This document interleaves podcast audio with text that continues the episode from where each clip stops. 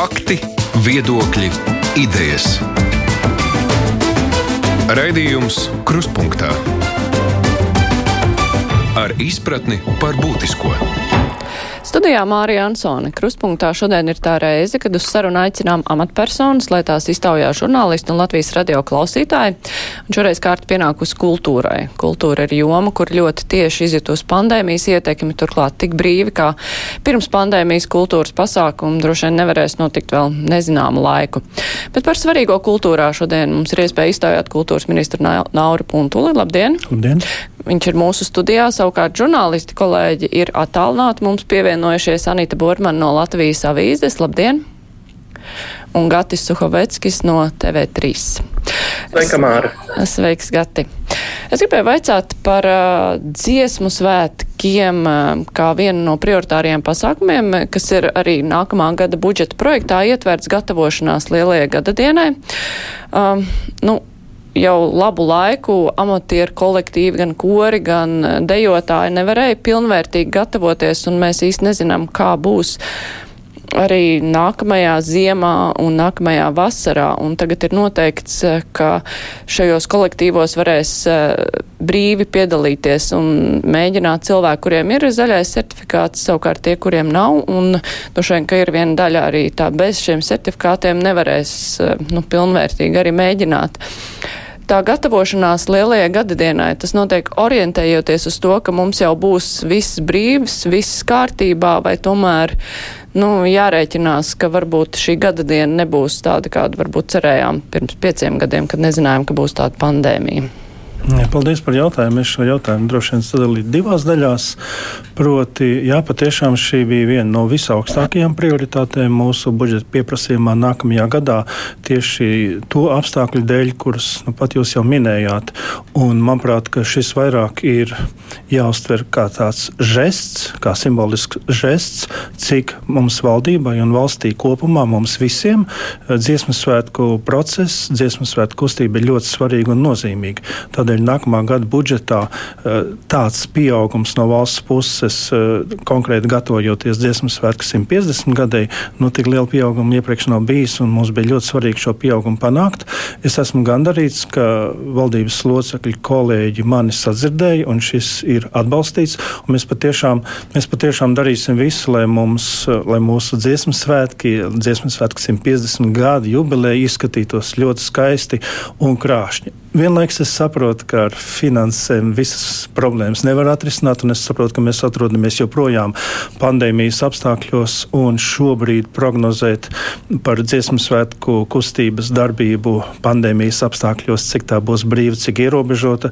Nu, Droši vien, droši vien būtu grūti prognozēt jebkuram, tāpat kā jebkuru jomu, kas saistīta ar, ar pandēmijas vai uzliesmojumu, vai tieši otrādi norimšanos. Tas patiešām neiespējami prognozēt. Bet tas, ko mēs varējām pilnīgi droši izdarīt un no valsts puses dot gan šo simbolisko žestu, gan arī finans, finansējumu tiešā veidā, to mēs esam paveikuši, un es par to jūtos gandarīts. Bet nu, gatavošanās un visas šīs programmas eh, tiek eh, stādītas, nu, tā kā bija iepriekš iecerēts. Jā, protams, tā kā iepriekš bija iecerēts, bet uh, ir jāsaprot, ka, nu, lai, lai cik arī daži no mums ir bijuši optimisti pirms pandēmijas, tostarp arī es, cilvēku paradumi nedaudz ir mainījušies, un cilvēku paradumi ir mainījušies uh, ne tikai attiecībā uz uh, kultūras pasākumu apmeklēšanu, man jāatzīst, bet cilvēku paradumi ir mainījušies. Eh, viņiem vispār atstāt savu māju vietu. Vienalga, vai tas ir kultūras pasākums kā apmeklētājiem, vai tas ir dziesmu svētku process kā dalībniekam. Cilvēki ir kļuvuši mazliet, nu, varbūt piesardzīgāki, varbūt kūtrāki, varbūt joprojām ir tā inerce, bet eh, jā, tā tas diemžēl ir. Kolēģi Anita. Jā, es tieši gribēju jautāt par dziesmu svētkiem. Tā tad tur ir tā duālā situācija, ka dziesmu svētku saturu veido valsts, bet par kolektīvu uzturēšanu galvenokārt maksā pašvaldības. Vai ir rasti kādi risinājumi šajā situācijā? Kā pašvaldības stimulēt? Par jautājumu es noteikti negribētu šeit nodalīt, jo valsts esam ik viens no mums, un valsts ir arī pašvaldība. un pašvaldības, kurās šie kolektīvi ir dibināti un šo, šie kolektīvi mitinās. Tādēļ es vēlreiz uzsveru, ka attiecībā par gaidāmajiem dziesmu svētkiem, proti, dziesmu svētku 150 gadi, mēs esam kā valsts devuši eh, šo žestu, šo risinājumu ar finansiālu atbalstu visiem kolektīvu vadītājiem. Tas ir, eh, tie ir, tie ir pāris tūkstoši kolektīvu, kuri saņem šo mūsu atbalstu, šo vienreizējo atbalstu ceļā uz dziesmu svētkiem 150. Bet vai tālāk nav paredzēts domāt par to, nu, kā atbalstīt eh, šos amatieru kolektīvu vadītājus, kur ir profesionāļi, jo, nu, Viņiem uh, algas maksā kā, nu, kurai pašvaldībai ir rocība un ir vēlēšanās, vai nav jādomā par kaut kādiem vienā, vienotiem standartiem varbūt? Piekrītu, mēs par to esam jau diskutējuši. Šīs sarunas ir uzsāktas, taču mans viedoklis ir, eh, ņemot vērā šo dziesmu svētku cikliskumu, precīzo cikliskumu. Manuprāt, ka, manuprāt, ka tādas nopietnākas izmaiņas vajadzētu veikt sākoties jaunajam dziesmu sēklu ciklam, proti pēc šīs 150 gadus. Un šobrīd primārais uzdevums ir šo 150 gadu jubileju nosvinēt godam Un pēc tam, ja mēs runājam par kādām konkrētām izmaiņām, tad tas varētu būt jau sākoties nākamajam dziesmu svētku ciklam. Eh, es pie, piekrītu, ja, ka šis ir darbs eh, kopā ar pašvaldībām. Mēs esam jau uzsākuši sarunas par šo pašvaldību savienībā, un arī politisks sarunas šāds ir uzsākts, un pie tam mēs noteikti atgriezīsimies agri vai vēl, un šī joma tiks sakārtot. Kolēģi Gati. Jā, valdība vakar apstiprināja jaunos epidemioloģiskās drošības pasākumus. Tie paredz, ka gandrīz visu pasākumu apmeklēšanai un pakalpojumu saņemšanai telpās jābūt Covid certifikātam par vakcinēšanos, pārslimošanu vai arī testēšanos, vai jaunais regulējums ievieš kādas izmaiņas kultūras pasākumu norisē. Mana atbilde ir eh, minimālas. Vispirms es gribu uzsvērt, ka kultūras nozares darbinieki, strādājušie kultūras nozarē, ir eh, salīdzinoši daudz atbildīgāki pret šo izturējušies, un vakcinācijas procents darbinieku vidū ir daudz lielāks. Otrakārt, lielākoties kultūras eh, pasākumi jau notiek zaļajā režīmā, un daži no tiem dzeltenajā režīmā. Tā kā pārējie, pārējie muzejos un bibliotekās uz šo dzelteno režīmu, kur būs iespēja apmeklēt arī testētām personām, es domāju, ka tās nebūs lielas lielas izmaiņas. Es domāju, sabiedrība uz to ir gatava. Un tāpat laikā uz tādu pavisam īslaicīgu apmeklējumu būs arī iespēja, iespēja to izdarīt, neveicot šo testu. Klausītāji arī grib precizējumu par šiem te zaļiem, dro, jeb drošajiem pasākumiem, vai mākslinieks, piemēram, aktieris, dziedātājs var uzstāties bez vakcinācijas un pārslimošanas certifikāta tikai ar testu, un vai tā var rīkoties arī tie mākslinieki, kam ir ģimenes ārsti izdot izziņu par to, ka vakcinēties nav ieteicams, vai arī zaļajā pasākumā tas nav pieļaujams? Ne, zaļajā pasākumā tas nav pieļaujams, turklāt par ģimenes ārsta izziņu ka personai testēties nav vēlams. Es, mm, es nepārstāvu veselības ministriju, taču es neesmu drošs par šo, vai šis ir pietiekami pamatots dokuments. Nevelti valdībā vakarā tika pieņemts lēmums par to, ka ir jāveido konsīlija, kas tad noteiks, vai personai ir, ir patiešām pamatots iemesls nevakcinēties. Man liekas, ka ģimenes ārsta viena izziņa būtu nepietiekama, bet es varu kļūdīties. Iespējams, ka es kļūdos, es neesmu veselības ministrijas pārstāvis. Mm -hmm. Kolēģi, Anita? Jā, es gribētu jautāt, jūs teicāt, ka aptver ir gandrīz simtprocentīgi nozarē ar vīrusu, nu, tātad ar vakcinētajiem. Bet kā vispār kultūras ministrijai ir tas pārskats par to, kā īsti ir ar šo vakcinēšanos. Tāpēc, ka mēs zinām arī piemērus par profesionāliem kolektīviem, kur bija problēmas ar vīrusu izplatību Un, un vēl jau ir lielais nevalstiskais sektors, par kuru, protams, atkal nu, tur nevar prasīt atbildību no kultūras ministrijas, bet nu, arī tas bez šābām pastāv.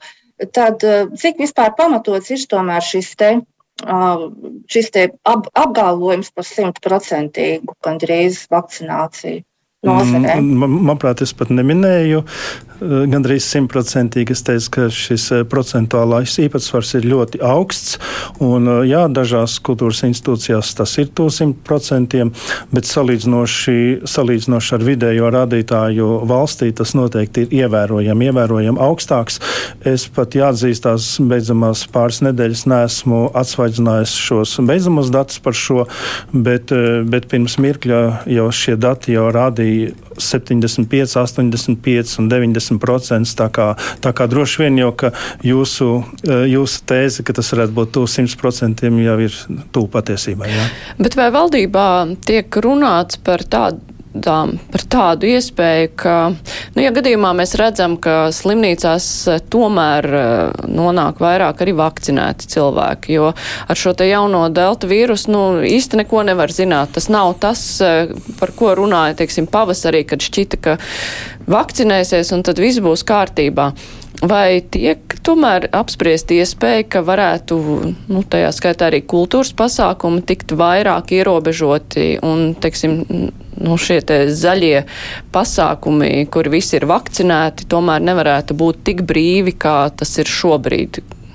Atkal jautājumu mēģināšu sadalīt. Tātad vispirms par vakcinētu personu nonākšanu slimnīcā. Šeit uh, ir nedaudz problēma, jeb sarežģījumi, kuru nav tik vienkārši atrisināt, bet atkal ir veselības ministrijas kompetence, proti uh, ātri dati par to, uh, cik no vakcinētām personām, kas nonākušas slimnīcā, nonāk slimnīcā un ir smagā stāvoklī, ja nonāk līdz, līdz intensīvai terapijai vai skābekļa aparātam, vienkārši to sakot.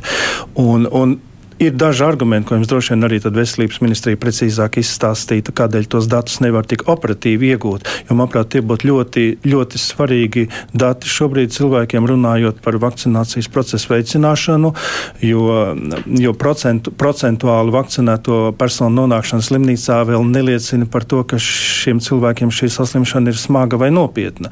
Tā, tā būtu viena svarīga lieta. Otra lieta, ja jūs runājat par kultūras pasākumiem zaļajā režīmā, tad droši vien es. Eh, ņemot vērā saslimstības straujo pieaugumu, droši vien es izmantošu iespēju šeit ēterā un aicināšu visus kultūras pasākumu apmeklētājus arī zaļajā režīmā lietot sejas maskas, lietot tās, tas, tā ir mana rekomendācija šobrīd, un es arī rekomendētu visiem, visām personām, kas apmeklē kultūras pasākumus, šīs sejas maskas izvēlēties nu, tādas atbilstošas, kā to, kā, to, kā to dara Eiropā, un neskatīties uz šo formāli vai viegliprātīgi.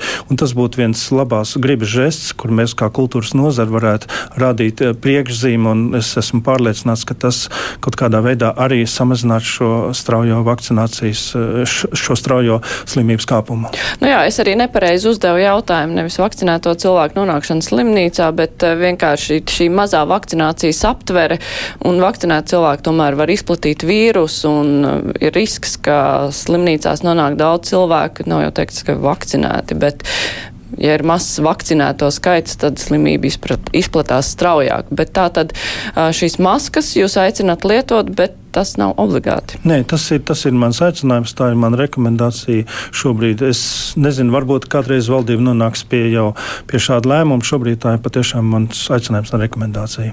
Mhm. Kolēģi, Gati? Jā, es gribēju paturpināt par vakcinēšanos. Premjeras tagad visām ministrijām un padotības iestādēm uzdevis izvērtēt un noteikt amatus, kuros var strādāt tikai vakcinēti vai pārslimojuši darbinieki. Jums ir kādas prognozes, cik garš šis saraksts varētu būt kultūras ministrijā un tās iestādēs, un vai pieļaujat, ka būs darbinieki, kuri atteiksies potēties, tāpēc varētu nākties arī pārtraukt darba attiecības? Es nesaredzu, ka šī varētu būt uh, problēma kultūras nozarei. Kā jau es minēju, kultūras nozarei vakcinēto personu skaits ir uh, ievērojami augstāks nekā valstī vidējais rādītājs. Pirmkārt, es nedomāju, ka kultūras nozara varētu nonākt tā devēto obligāto personu sarakstā. Neraugoties, nera, neraugoties, uz to, uh, neraugoties uz to, šis vakcinācijas procents ir augsts un tas, tas arī būs. Kolēģi Anita? Um, Vai drīkst pievērsties citai problemātikai? Es par koncertu zāli gribētu jautāt ministram.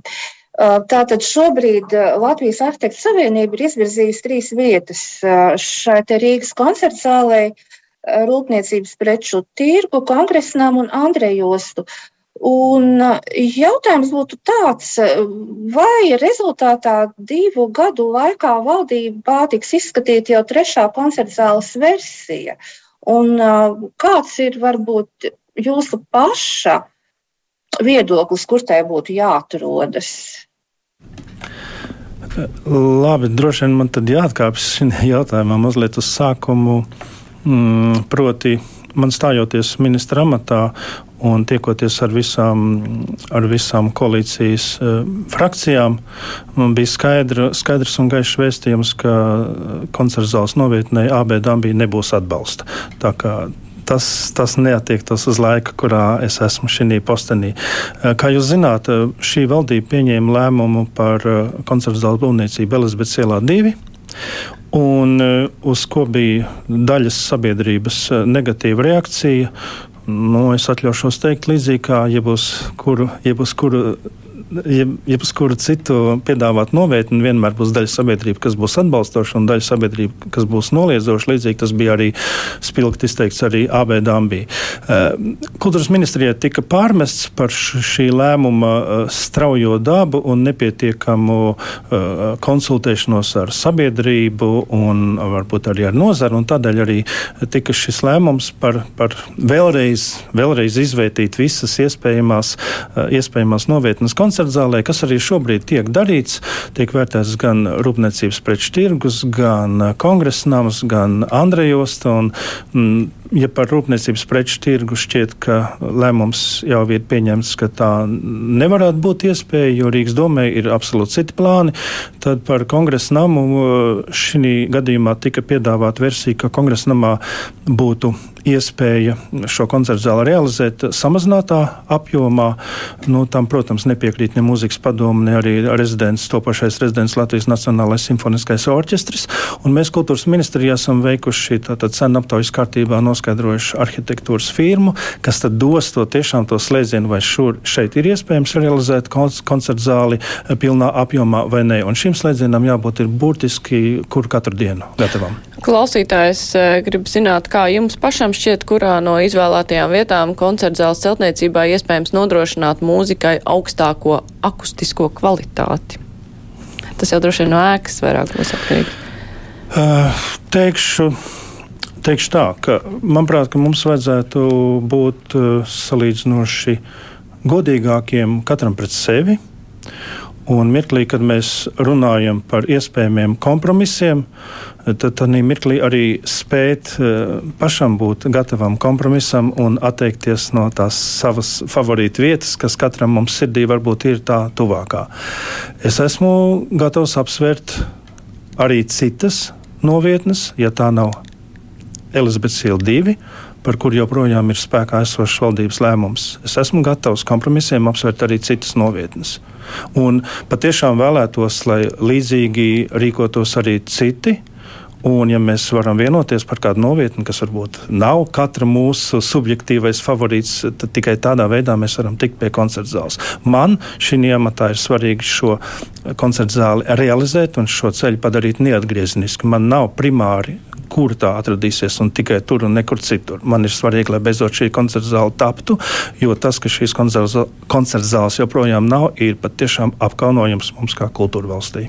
Bet kā ar finansējumu šai koncerta zālē? Nākamā gada budžetā kultūras ministrija prioritātēm prasīja 50 miljonus, eh, tika piešķirti 30, un lielā mērā tas samazinājums bija uz kaut kādu infrastruktūras projektu rēķinu.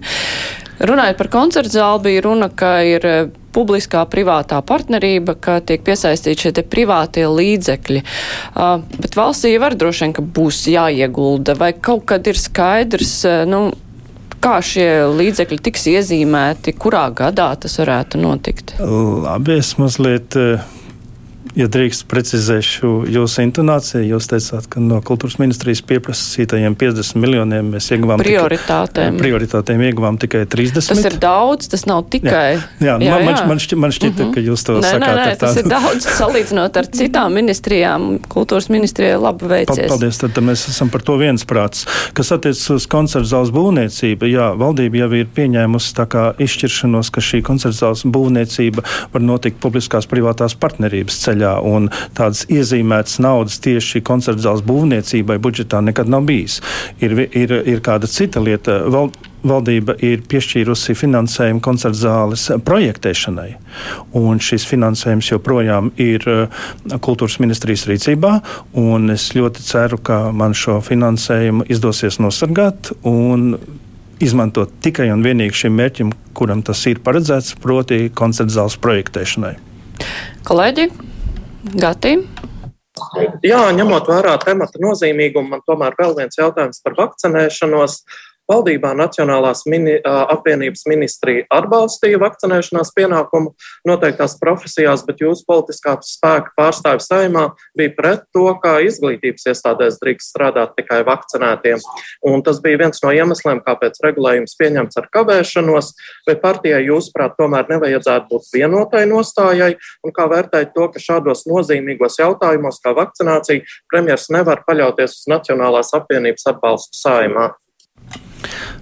Nu, es varbūt nestādītu to tik ļoti asi. Eh, šis eh, likumprojekts ietvēra ne tikai šo vakcinēšanās jautājumu, vēl bija virkni citu jautājumu. Beig beigās saimnes eh, koalīcija nolēma šo jautājumu neskatīt kopumā, jo dažus no šiem jautājumiem varēja atrisināt arī tiešā veidā caur ministra kabinetu bez saimnes, kā tas arī vakar pierādījās.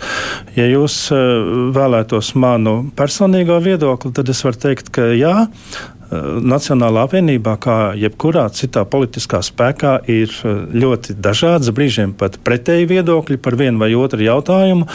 Droši vien arī jautājumā par pedagoģu vakcināciju tā tas arī bija.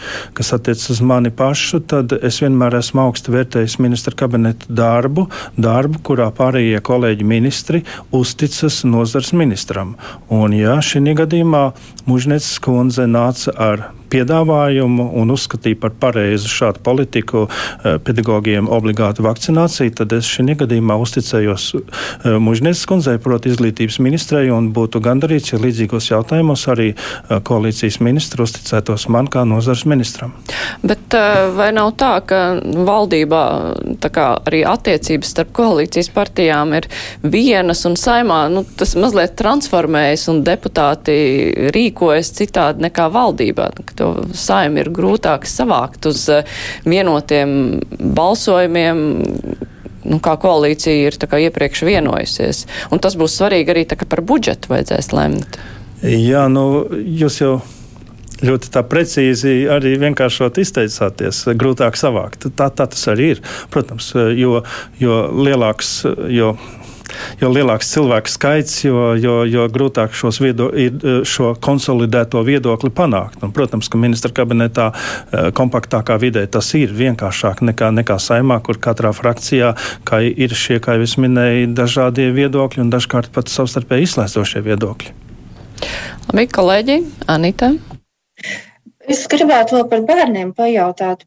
Tad, tā, tad, nu, tur ir nodalīts, protams, līdz 12 gadiem un no 12 gadiem, bet kā bērniem līdz 12 gadu vecumam apmeklēt kultūras pasākums gadījumā, ja viņu vecāki nav vakcinēti?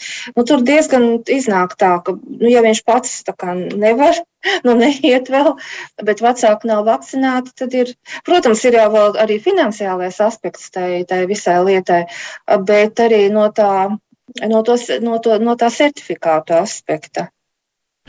Jā, kultūras pasākumi vecākiem kopā ar bērniem līdz 12 gadiem. Tā, tā ir bijusi sarežģīta problēma. Es šo esmu mēģinājis risināt jau kopš jūlija. Esmu guvis eh, panākumus, kas man kā kā kultūras ministru ne līdz galam apmierina.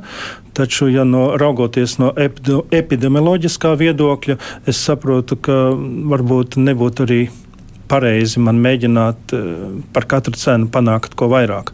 Šobrīd tā, tā izēja ir tāda, ka um, zaļo, zaļajos pasākumos ir atsevišķas zonas un nodalījumi, kuros ir vecāki ar bērniem, kuri var apmeklēt šos kultūras pasākumus, ievērojot tās prasības, kas ir dzeltenajā režīmā. Tas ir tas kompromiss, par kādu mēs esam vienojušies. Protams, protams mirklī, kad es par šo uzsāku tādu politisku cīņu, jūlijā, augustā šie saslimstības rādītāji nebija tik lieli, un mans mērķis bija, ka zaļajos tā dēvētajos pasākumos vecāki var ar saviem bērniem nākt kopā ar bērniem līdz 12 gadiem, neveicot, neveicot nekādas papildus darbības. Šobrīd saslimstībai tik strauji augot, es saprotu, ka nebūtu pareizi man mēģināt par šo cīnīties, un droši vien, ka šīs režīms kombinētais zaļais ar dzelteno bērniem ir šobrīd tas labākais kompromiss. Bet, ja mēs runājam par kultūras pieejamību bērniem, tad uh, skolas somas projekti, nu, vadoties pēc tā, kas ir paredzēts nākamā gada budžeta projektā, to varētu būt vairāk, jo, cik es saprotu, tos uh, bērni varēs apmeklēt ar skolas, uh, teste, skolas testēšanās ietvaros, tur nevajadzēs atsevišķi. Runājot par skolas somas projektu, jau pirmkārt pēc būtības, mēs atceramies, ka tas ir projekts, kurš tika īstenos un realizēts simtgadē, kā simtgadus projekts. Ņemot vērā tā šī projekta patiešām izcilos rezultātus, mums ir izdevies panākt, ka šis projekts turpinās ne, vairs nekā simtgadus projekts, bet jau kā bāzes projekts.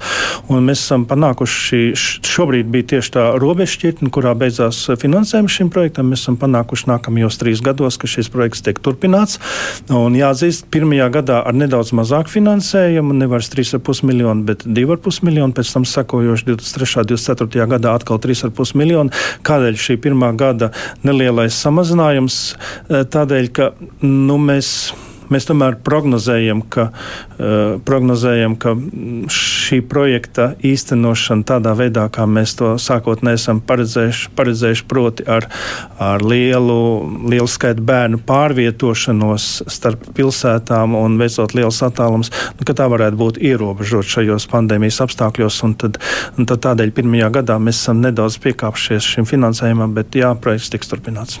Anita, jūs gribējāt precizēt par bērniem? Es gribēju precizēt vēl par tiem zeltainajiem režīmiem, jo vai, vai, tu, bet eh, problēma jau ir tā, ka liela daļa kultūras eh, organizētāju neizvēlas to zeltaino režīmu un pārsvarā strādā uz zaļo režīmu. Un tad iznāk tā, ka tie bērni vienalga netiek, lai gan tāda iespēja kā ir paredzēta. Vai tā nav tā problēma arī nedaudz tomēr? Nē, kā jau es minēju, šis ir kombinēts režīms, kur kultūras pasākuma pasākumos, kas no, norit zaļajā režīmā, var iekļūt arī bērni, bet viņiem šā zaļā režīma pasākumā ir atsevišķs zonējums. Tas, ka kultūras, kultūras pasākuma organizatori neizvēlas šos zeltainos režīmus pēc būtības, jā, tas ir, tas ir loģiski, tas ir izprotami, jo, protams, ka šie zeltainie pasākumi no rentabilitātes kvalitātes viedokļa sevi neataisno. Un mūsu viens un vienojošais un kopīgais mērķis pilnīgi visiem ir panākt lielāku vakcinācijas aptveru valstī. Kolēģi Gati. Jā, kopš mīkstināta ierobežojumi, kā nozara ir spējusi atkopties, un vai ir kāda joma, kas jūs dara bažīgu? Jā, mani atzīstos, eh, atzīstos man patiešām dara bažīgu šis dziesmu svētku process. Tādēļ vēlreiz pie tā atgriežos un saku, ka mums ir valstī ir vairāk jāiegulda gan finanses, gan enerģijas. Runājot par kultūras pasākumiem, tas, ko es esmu pamanījis, ir mainījusies, mainījusies tā tad eh, apmeklētāja filozofija. Atzīšos, ka es un varbūt Juris Žagars un varbūt vēl kāds konkrēts cilvēki, mēs bijām to pulkā, kas bija ļoti optimistiski un bijām pārliecināti, ka tikko, tikko uh, būs, uh, tātad, būs iespējas apmeklēt kultūras pasākums, tos visus gāzīs apkārt, tie visi būs pārpildīti. Uh, realitāte izrādījās tomēr man jāatzīst nedaudz savādāka, un tas, ko es pats esmu novērojis, ka cilvēki ir sākuši ļoti vairāk izvērtēt. Viņiem nav svarīgi svarīgi aiziet uz kādu kultūras pasākumu tikai tādēļ, lai ceturtdien vai piekdien kaut kur aizietu, bet viņi patiešām izvēlas rūpīgāk, uz ko viņi aizies. Tādēļ, tādēļ tie, tie patiešām veiksmīgākie kultūras pasākumi, vai tie būtu koncerti, vai opera izrādes, vai teātris izrādes, eh, tie ir izpār, izpārdoti tālu uz priekšu. Savukārt tie, par kuriem nav tik ļoti labas, strauji labas atsauksmes, ar to izpārdošanu iet mazliet grūtāk kā pirms Covid. Tas jāatzīst. Jā, es savukārt atgādināšu klausītājiem un Latvijas televīzijas skatītājiem, ka šodien kopā ar mums ir kultūras ministrs Nauris Puntuls un arī kolēģi žurnālisti Anita Porman no Latvijas avīzes un Gatis Suhoveckis no TV3. Un mēs tulīt turpināsim.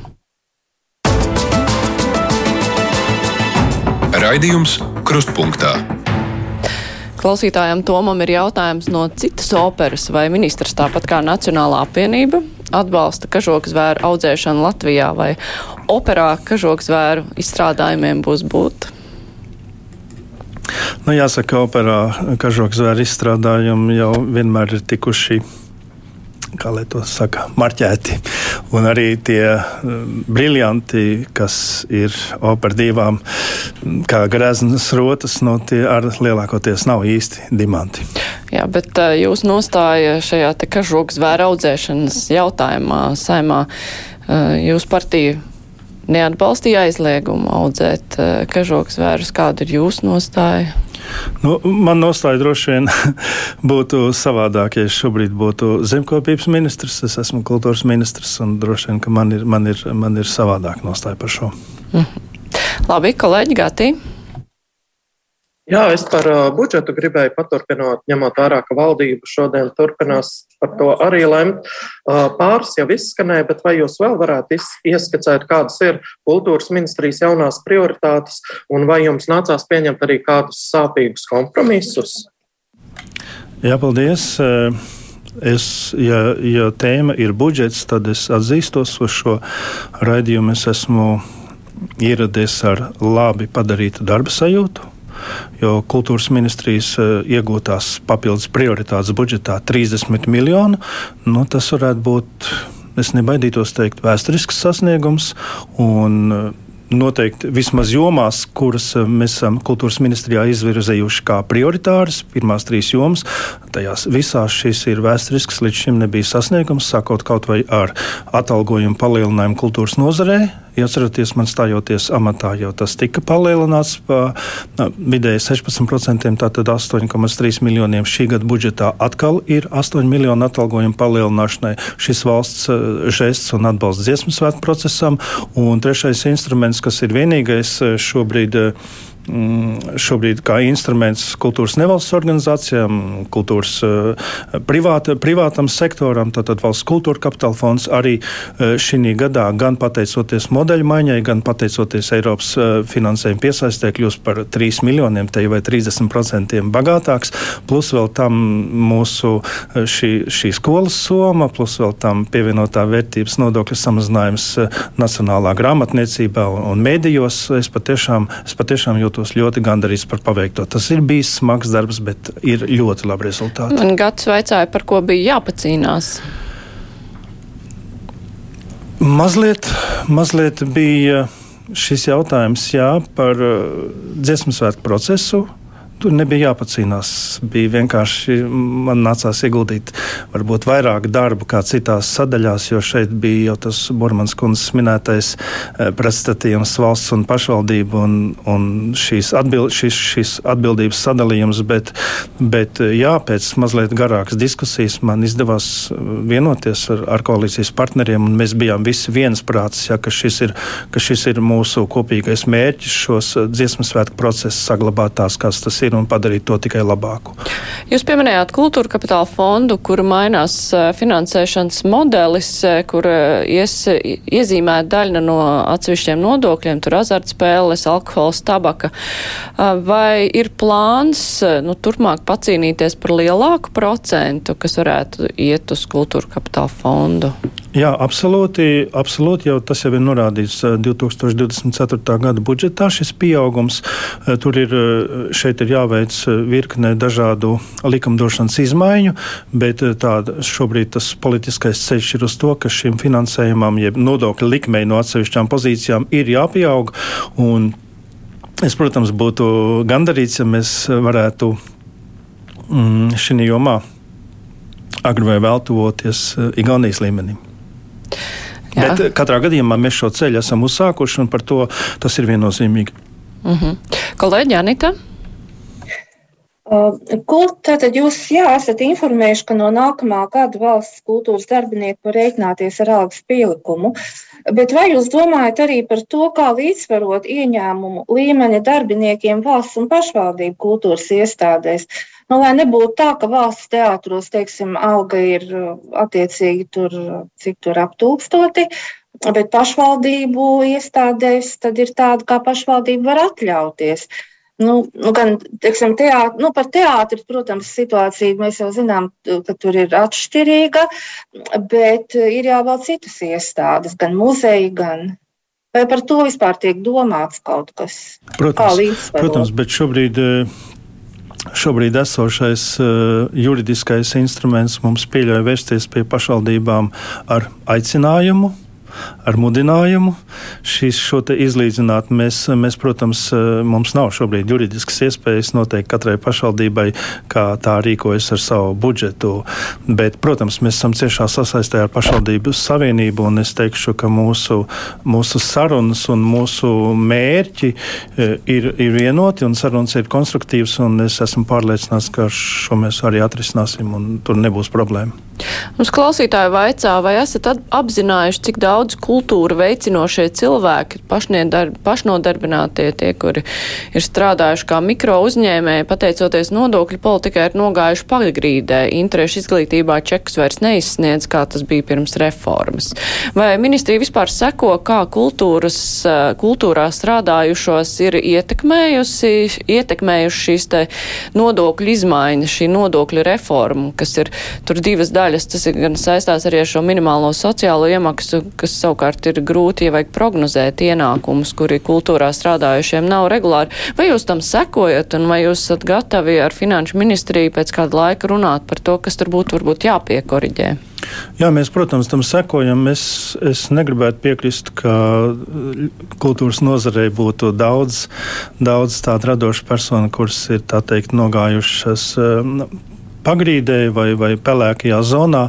Es domāju, ka Es domāju, ka kultūras nozarē strādājošie šobrīd ļoti labi apzinās, ka nodokļi tā ir Tas ir viņu vecumdienas, tas ir sociālais nodrošinājums kaut kad nākotnē. Un, un varbūt bij, ir bijis mirklis kultūras nozarē, eh, mākslinieku vidē, kur uz šo, uz šo kultūras nozares pārstāvji ir skatījušies mazliet vieglprātīgāk, eh, varbūt pirms gadiem arī es to starpā. Taču šobrīd tā situācija ir mainījusies un izpratne ir daudz lielāka. Jebkurā gadījumā šī reforma bija nepieciešama. Tas, ka šī reforma varbūt līdz šim nav bijusi ideāla, tur mēs varam uzlabot un radīt kādus īpašus instrumentus uh, kultūras darbiniekiem, kultūras nozares pārstāvjiem, jeb radošām personām tā uh, vārda likumiskā izpratnē. Es pilnīgi piekrītu, jā, mēs šobrīd, uh, šobrīd kopā ar koalīcijas partneriem, ar, ar varbūt saimnes deputātiem, kas pārstāv kultūras nozari, esam jau uzsākuši, uzsākuši darbu pie šī. Es nebūtu milzīgs optimists optimists un negribētu solīt, ka mums to izdosies pabeigt jau šī gada budžeta kontekstā. Tas var būt sarežģīti, bet, nu, bet jebkurā gadījumā mēs uz šo mērķi ejam viskopā. Kolēģi? Gati? Jā, jā, paturpinot par šo radošo profesiju pārstāvis, tomēr eh, ļoti uztrauca nodokļu reformā. Viņi cēla lielu trauksmi, vai tad jūsuprāt tās bažas tomēr bijušas bez pamata? Es vēlreiz uzsveru, ka šī nodokļu reforma no vienas puses bija neizbēgama un nepieciešama, jā, un no otras puses es uzsveru, ka šī, šis līdz galam nav ideāls risinājums, kā jebkura nodokļu reforma. Tā, tā sākotnēji izsauc lielu pretreakciju, taču, no, lai lai nesāktu mēģināt šeit salīdzināt uh, piemērus, uh, kā kādam šī situācija ir pasliktinājusi dzīvi. Es droši vien varētu, kā pats kultūras darbinieks un praktizējošs mākslinieks, nosaukt virkni piemērus, kurus nevarētu uzskatīt par labiem iepriekšējā periodā. Tā, tā patiesība droši vien ir kaut kur vidū, un svarīgi ir tas, ka mēs sēžamies pie galda ar koalīcijas partneriem un šo, šo mēģinām atrisināt līdz patiešām ideālam rezultātam. Kolēģi, Anita? Mākslas, par laikmatīgās mākslas muzeju gribētu pajautāt. Zināms, ka darba grupē līdz 18. novembrim ir jānāk ar redzējumu par muzeju novietni. Un zināms ir arī, ka šā muzeja projekta izstrādē jau ir ieguldīti 4 miljoni privātās naudas. Kāds ir jūsu viedoklis par to, kas tad ar šo muzeju, kas tad notiks ar šā muzeja fonda Eh, dāvināto Dēvida Adžēju projektu, eh, kas ir domāts konkrēt, konkrētai vietai pilsētvidē. Vai tas varētu tikt īstenots Skanstē? Jā, paldies par jautājumu. Es vēlreiz uzsvēršu, ka mans viedoklis, ko es skaļi paušu publiskā telpā, ka Latvija, Rīga bez akustiskās koncerta zāles un bez laikmetīgās mākslas muzeja diez vai cienīgi, pretend, cienīgi pretendēt uz kultūras lielvalsts statusu. Un tas būtu tas, kā savādāk izsakoties, tas sanitārais minimums, kas būtu vajadzīgs jebkurai valstī, kurš šādu statusu pretendē. Runājot par laikmetīgās mākslas muzeju, es būtu optimistisks šobrīd, un es esmu diezgan drošs, ka šis konkrētais jā, projekts tiks realizēts visai drīzā laikā. Jā, Anīti, grib papildināt? Bet kur, kur viņš varētu tikt realizēts? Tajā pašā vietā, kur, kur viņam bija jābūt. Ja? Tā. Nu, Tieši jā. tā, jo ja mums, ja mums šobrīd būtu mazliet modelējot situāciju vai abstrahējoties no šī, ja mums būtu vēlme šo Hadžēju kā arhitektu uzaicināt, lai kaut ko projektē, mēs kā valsts to nekad vairs nevarētu atļauties, bet mums jau ir šis projekts, un tā kā to neizmantot, tas tiešām būtu apgrēcīgi. Bet tur arī valstī būs jāveic papildu ieguldījumi, vai tas nāks zināms tad rudenī? Vēlāk rudenī, kad darba grupa nāks ar paziņojumu. Pateikt, ka šis eh, projekts visticamāk eh, un vislabākajā veidā varētu tikt eh, realizēts sadarbojoties valstī un pilsētas domē. Skaidrs.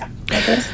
Klausītājs tā ļoti lakoniski vaicā, ko ministrs domā par Brektes kriminālu lietu. Un droši vien jāpaskaidro, ka runa ir par Kristiānu Brekti un šo te ierosinājumu, lūgumu ierosināt kriminālu lietu par viņa darbiem, kuri pēc šīs te sūdzības iesniedzējas prāta ir pornogrāfistiski, ir pornogrāfija. Vai tas ir saistāms ar mākslinieku radošo brīvību, jūsuprāt? Radošums un radošā brīvība un krimināla process, nu, jā, tas ir ļoti, ļoti tālu stāvošas lietas viena no otras. Es droši vien atteiktos komentēt. Bet, eh, nu, kā jums šķiet, vai policijai ir jāierosina par nu, kaut ko tādu kriminālu lietu? Nu, kā jau es minēju, radošu man, manā. manā mm, manā mākslinieka būtībā tas, tas ir savstarpēji nesavienojams lietas, eh, krimināla process par radošumu. Tā tad nav. Atbilde ir nē, nav jāierosina. Es pareizi sapratu. Es atbildēju. Jā, jā. Nu, labi. Gatī, tev ir jautājums. Jā, liela traca izraisīja arī Kristiāna Brektas sienas glaznojums. Vai jūs to uzskatāt par tādu normālu kultūras procesa sastāvdaļu, normālu diskusiju, vai tomēr nu, šādas norises būtu negatīvi vērtējams un arī jau robežojas, nezinu, ar cenzūru vai radošumu brīvības ierobežošanu? Jā, es jau nu pat atbildēju šo jautājumu. Var tikai piemetināt, ka nu, par jebkurā, jebkurā strīdā, un it īpaši strīdā, kas skar eh, radošumu, īpaši strīdā, kas skar radošumu par, par diskusiju kultūru, mums eh, visiem kopā valstī droši vien būtu nopietni jādomā. Kolēģi Anita. Jā, es gribētu atgriezties pie atbalsta jautājumiem. Tātad jūs esat teicis, ka atbalsts kultūras nozarei būs pieejams tik ilgi, cik būs nepieciešams. Bet tagad rudenī jau, kad ir jūtams jau vīrusa atkal vilnis un aktivizēšanās, šis atbalsts ir, ir, ir nu, faktiski nav pieejams. Tad kā tad nākamgad ir plānots, vai kultūra kapitāla fondā kaut vai būs vieglāka pieeja pie, pie nu, šiem te kaut vai pie mēģinājumu programmām vai projektu vai konkursiem. Jo zināms, ka šogad pat kultūra kapitāla fondā bija grūtības daudziem tikt pie finansējuma. Paldies par jautājumu. Es piekrītu, ka, ka varbūt ka ir bijušas grūtības tikt pie finansējuma, taču paskatīsimies šo uz šo no otras puses. Droši vien būs grūti atrast kādu, kurš teiks, ka finansējums, finansē, tātad atbalsta finansējums kultūras nozarei ir bijis nepietiekams. Tie bija ļoti daudzi miljoni. Paralēli valsts universālajiem atbalstiem, eh, kur arī bija daudz miljonu. Kultūras nozara bija vienīgā nozara no visām, kurā paralēli šiem universālajiem atbalstiem bija sava atbalsta mehānismi. Tas, ka admi, administrēšana ir bijusi pietiekami sarežģīta, ieskaitot, eh, ieskaitot arī apstiprināšanu pat Eiropas līmenī, jā, tur es piekrītu, bet tas ir, mm, tas ir birokrātiskas lietas, kas attiecas uz, uz šo politisko lietu. Manā gadījumā eh, šie atbalsta finansējums ir bijis pietiekami liels. Un tas nekur citur nav nonācis kā vien pie mūsu kultūras darbiniekiem. Tā, tur, jau, tur jau viņš ir. Jā, tas, ka administrācija ir bijusi sarežģītāka, Tā tas ir bijis, tas jāatzīst. Kas attiecas uz uh, nākamajiem atbalsta mehānismiem, pagaidām, kamēr uh, kultūras nozare var strādāt, un es ceru, arī varēs turpmāk strādāt. Mums nebūs jānonāk līdz kultūras iestāžu darbības pārtraukšanai, kamēr tas nav noticis. Mēs par atbalsta mehānismiem šobrīd nevaram runāt. Bet tā jau ir tā problēma. Es atvainojos, jo nu, it kā strādāt var, bet reāli tas ir tikai par kaut kādiem nu, procentiem, teiksim tā. Tas nav, nav tā kā agrāk, teiksim, simtprocentīgi vai pat 90%. Kādēļ par procentiem var strādāt arī. tikai? Um, jums ir jāatkārto jautājums, Anī, droši vien nedzirdēju. Nē, es tā bija, sakiet, tā bija vairāk jūs sakāt, ka var strādāt paši. tikai par procentiem. Uh -huh. Jā, Anīts saka, ka tas tā vairāk bija replika. Nu, Jā, paldies. tā bija. Paldies. Jā, Ja drīkst, pilnvērtīgi nevar strādāt, tāpēc ka nu, lielā mērā pasākums drīkst apmeklēt tikai ar certifikātiem. Nu, arī, Jā, jā. paldies. Uh, Droši vien, ka ja mēs uh, vērotu statistiku, mēs uh, uzzinātu, ka ir tikai zināms procents sabiedrības, kuri aktīvi apmeklē kultūras pasākumus. Un es esmu drošs, ja es gribētu redzēt, ka šie šis, eh, šie mm, pilsoņi, kas sastāv šo procentu, ietilpst tādā sabiedrības apzināt, apzinā, apzinīgākajā daļā, proti, vakcinēto daļā. Klausītājs uh, vaicā, vai jūs varat komentēt, kāpēc no šiem te uh, atkopšanās plāna miljārdiem kultūrai ir iedalīta apaļa nulle, vai tā ir ministra atbildība? Uh, nav taisnība. Kultūrai nav iedalīta apaļa nulle. Kultūra un mediji kopā no šī, no šī atvesļošanās noturības mehānisma saņems apmēram 2%. Taču uh, administrēšana, atkal es runāju par administrēšanu, kā tiek šis finanšu instruments administrēts visā Eiropā, ir noteikts tāds, ka mums. Uh, Ja pavisam vienkāršot sakot, šis finansējums, ko kultūras nozara iegūs, būs uh, citu ministriju administrēšanā, ekonomikas un vēl citu. Tas nozīmē, ka tas neiet caur kultūras ministriju, bet caur citām ministrijām, un tāpēc. Tieši tā, mums nebūs atsevišķa savu portfeļu, taču finansējums kultūras nozarei būs pietiekami liels. Ja jūs par ministra atbildību, tas, ko es arī uzstāju, lai tas būtu diviem procentiem. Kolēģi, Anita? Vai valstī ir padomā risinājumi attiecībā uz publiskajām bibliotekām, lai to finansējums nebūtu pilnībā uz pašvaldību pleciem? Nu, šis ir atkal Varmans kundze jautājums par valsts un pašvaldību attiecībām, atbildībām un citām lietām, kas droši vien būtu atsevišķi temats vērts. Es neizceltu no tā tikai bibliotekas.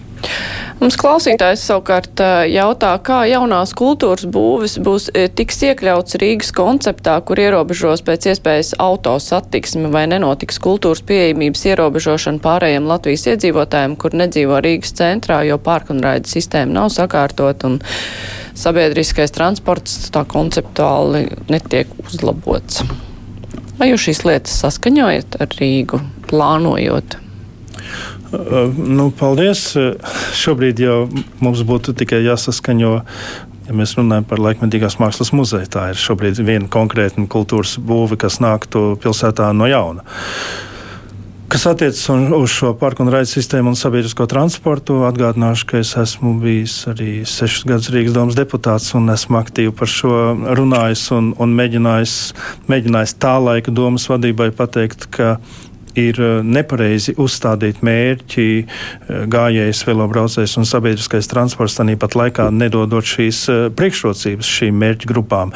Un, ja mēs šobrīd varam, varam vērot progresu, kas attiecas uz velotransportu, tad progresu uz sabiedrisko transportu es pagaidām vēl neredzu, jo šī nesakārt, šis nesakārtotā sabiedriskā transporta apmaksas sistēma. Tas ir viens no iemesliem, kādēļ cilvēki neizvēlas lietot sabiedrisko transportu nemaz eh, gan Rīgā, gan Pierīgas reģionos, jo ir vienkārši absolūti greizi, ja no, nezinu, vai no Cernikavas vai no kuras eh, Rīgai pietuvinātas vietas eh, mēs ar privāto transportu varam atbraukt uz Rīgu lētāk nekā izmantojot vilcienu un pēc tam sabiedrisko transportu. Un, jeb, jeb šo otrs, otrs greizais spogu, uh, greizība, ja, ja sabiedriskā transporta biļete no gala punkta līdz otram gala punktam maksā tikpat, cik Rīgas centrā viena pietura, un ka tas līdz šim brīdim nav atrisināts. Tad, kad, tad, kad šis būs atrisināts ar sabiedrisko transportu, tad es domāju, ka tas arī būs milzīgs atspējas jebkurai kultūras būvē, jo sabiedriskais transports būtu jāizmanto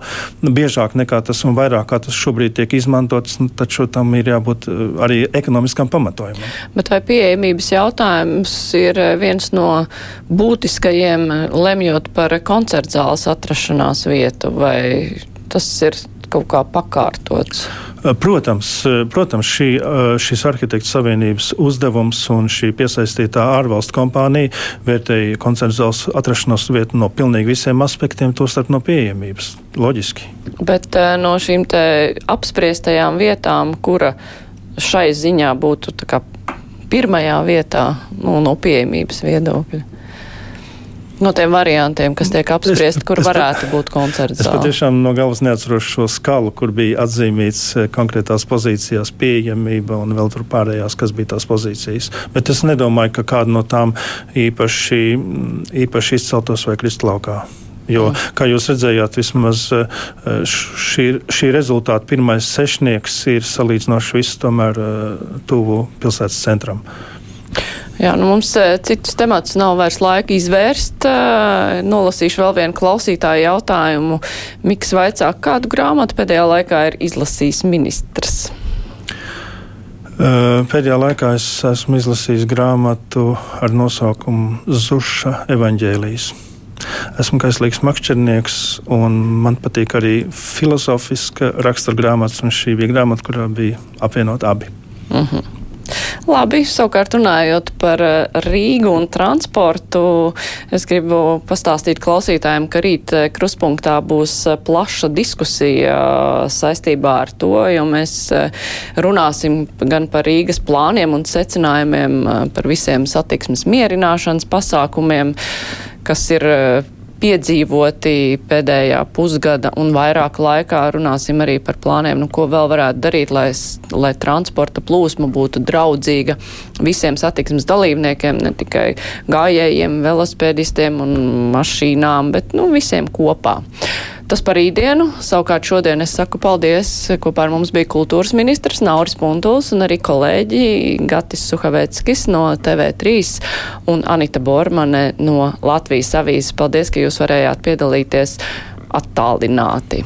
Paldies, ka uzklausījāt. Jā, un raidījums savukārt šodien izskan. Raidījuma producenti ir Evi Junām, studijā bija Mārija Ansona un atkārtojumā jūs vienmēr mūs varat klausīties pēc deviņiem vakarā un iespējams arī meklēt internetā podkāstos. Kruspunktā visi raidījumi ir pieejami. Tā kā klausieties mūs un tiekamies parīt, jo rīt studijā jau būs kolēģis Aidis Tomsons. Vislabāk!